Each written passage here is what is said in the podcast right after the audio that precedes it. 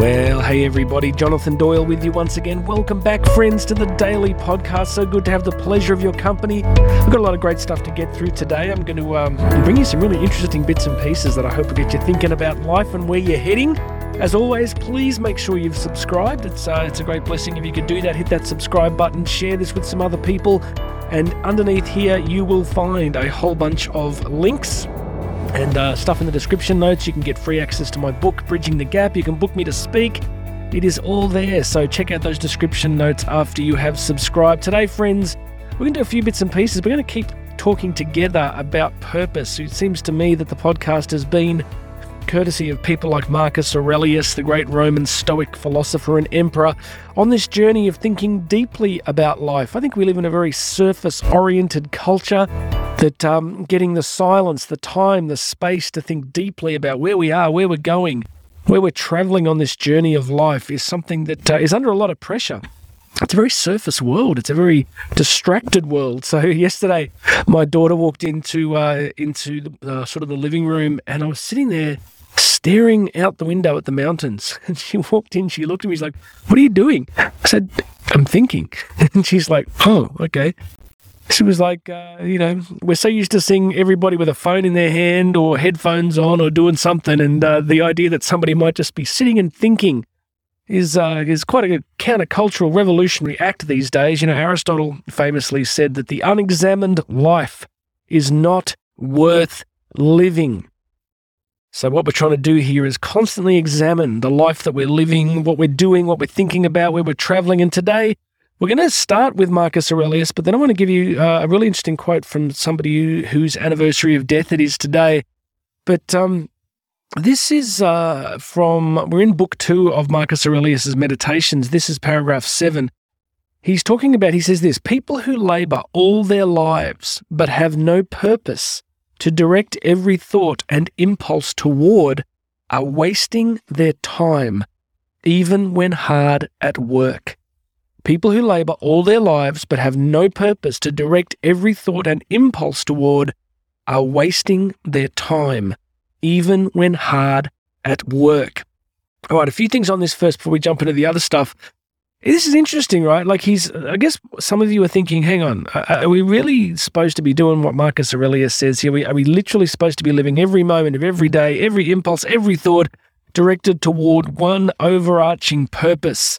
And if we're not doing that, we're wasting our time. What if we're just having fun? What if we're at a theme park on a roller coaster? I mean, are we directing every impulse there and every thought at that moment to some overarching life purpose? No. So, what do we make of this? I would say that he is directing us towards a global operative principle a global operative principle, sort of a, a guiding star, a sense of do we have an overarching sense of purpose of what we're trying to accomplish, what we're trying to do in life? You know, I'll give you some examples. So, as many of you know, for my many sins, I've been coaching under 16 girls Division 2 soccer this year. My daughter's in the team, and I've been coaching and it's been a really interesting journey. I've learned a great deal. Um, it's been uh, humbling. I've had to learn. I've had to change approaches. And I come from an education background, so I thought I had the chops, but it's been really interesting to learn and grow. But, you know, there's been times when I've turned up and I'm like, you know, this is difficult. How am I going to really bring everybody onto the same page? And what I've learned is that if my fundamental disposition, my general purpose, is aligned to what I'm generally trying to do in life. And regular listeners know that my life motto, my purpose is liberate people's potential. Liberate people's potential. Why am I doing a podcast? Because I hope it helps to liberate some people's potential. Why do I speak on stage? Because it helps to liberate people's potential. Why do I invest so much in my kids and try to be the best father I can be? Because I want to release that potential that's inside them and help them to grow and to love and to develop with their unique abilities and gifts. So I guess for me, I can say that as much as life has its challenges and difficulties, I get what Marcus Aurelius is saying here. If I got to the end of my life and I had been, for example, an accountant, no critique of accountants or accountancy. It's an incredibly important task, and it's definitely uh, you can definitely have it as a life vocation. You can definitely you know, the purpose of your life wouldn't be accountancy. The purpose of your life would be to help people. You might have a love of mathematics. So you can definitely have a life purpose behind being an accountant. But my point is, that I think he's right. I think that if we live our lives without some sense of of an operative principle of an overarching goal and direction, then I think he could be right. We waste our time. We even when we're hard at work, if we're hard at work doing the wrong thing, then time is precious, and that's going to lead us into our second thing. I've become really aware of this. Um, you know, it's it's funny. There's times in your life when you kind of feel that time is endless, that you're just going to have lots of it. But many of us listening to this know right now that it's uh, it's really not the case. It's the one commodity that is universal, right? Like it doesn't matter how much money you have, how much influence or power you have. This thing that unites us all is time. Every single person, whether you're a multi-billionaire, I think Elon Musk's personal fortune's at about 241 billion at the moment, something like that, or whether you're living in absolute poverty somewhere in the world, then the one thing that unites us is we're all getting exactly the same 24 hours in a day. And I can, you know, can share this with many of you. You'll know what I'm talking about. Woke up this morning early. Karen's uh, away. She's running a uh, a masterclass in um, near Sydney, and you know I've got three kids, and it's a question of getting them up, getting them fed, getting the dog fed, getting you know school organized for the day, getting them out the door and dressed, and ties on, and jackets and blazers and uniforms, and wow it's like it makes the Normandy landings of uh, you know 1944 look pretty straightforward. I've often said that, but what I'm aware of when I do those things is just the time pressure, the pressure of time.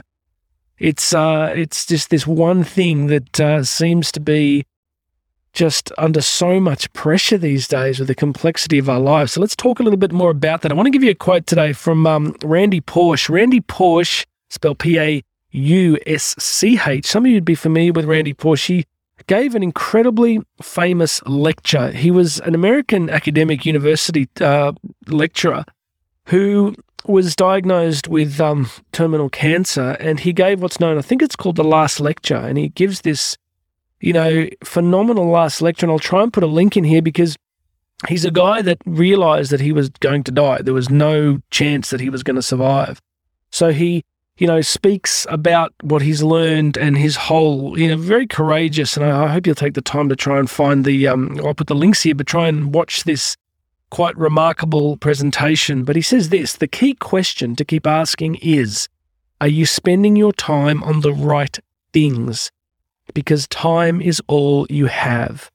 The key question to keep asking is Are you spending your time on the right things? Because time is all you have.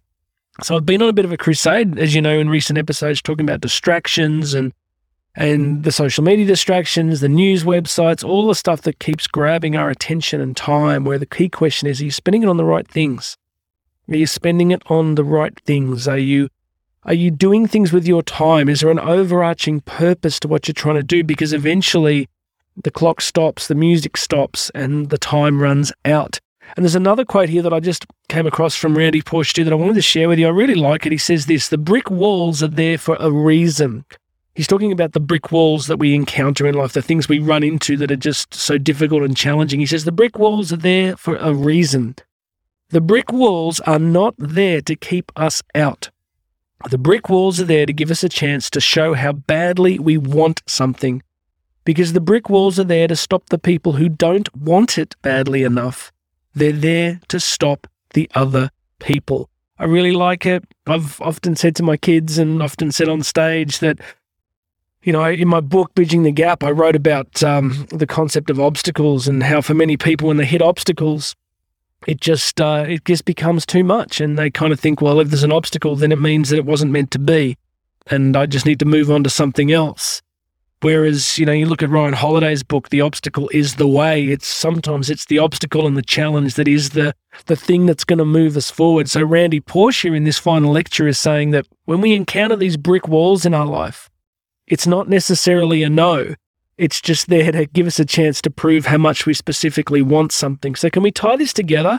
That I think a good way to live our lives is with a profound sense of time and a respect for time and using our time really well.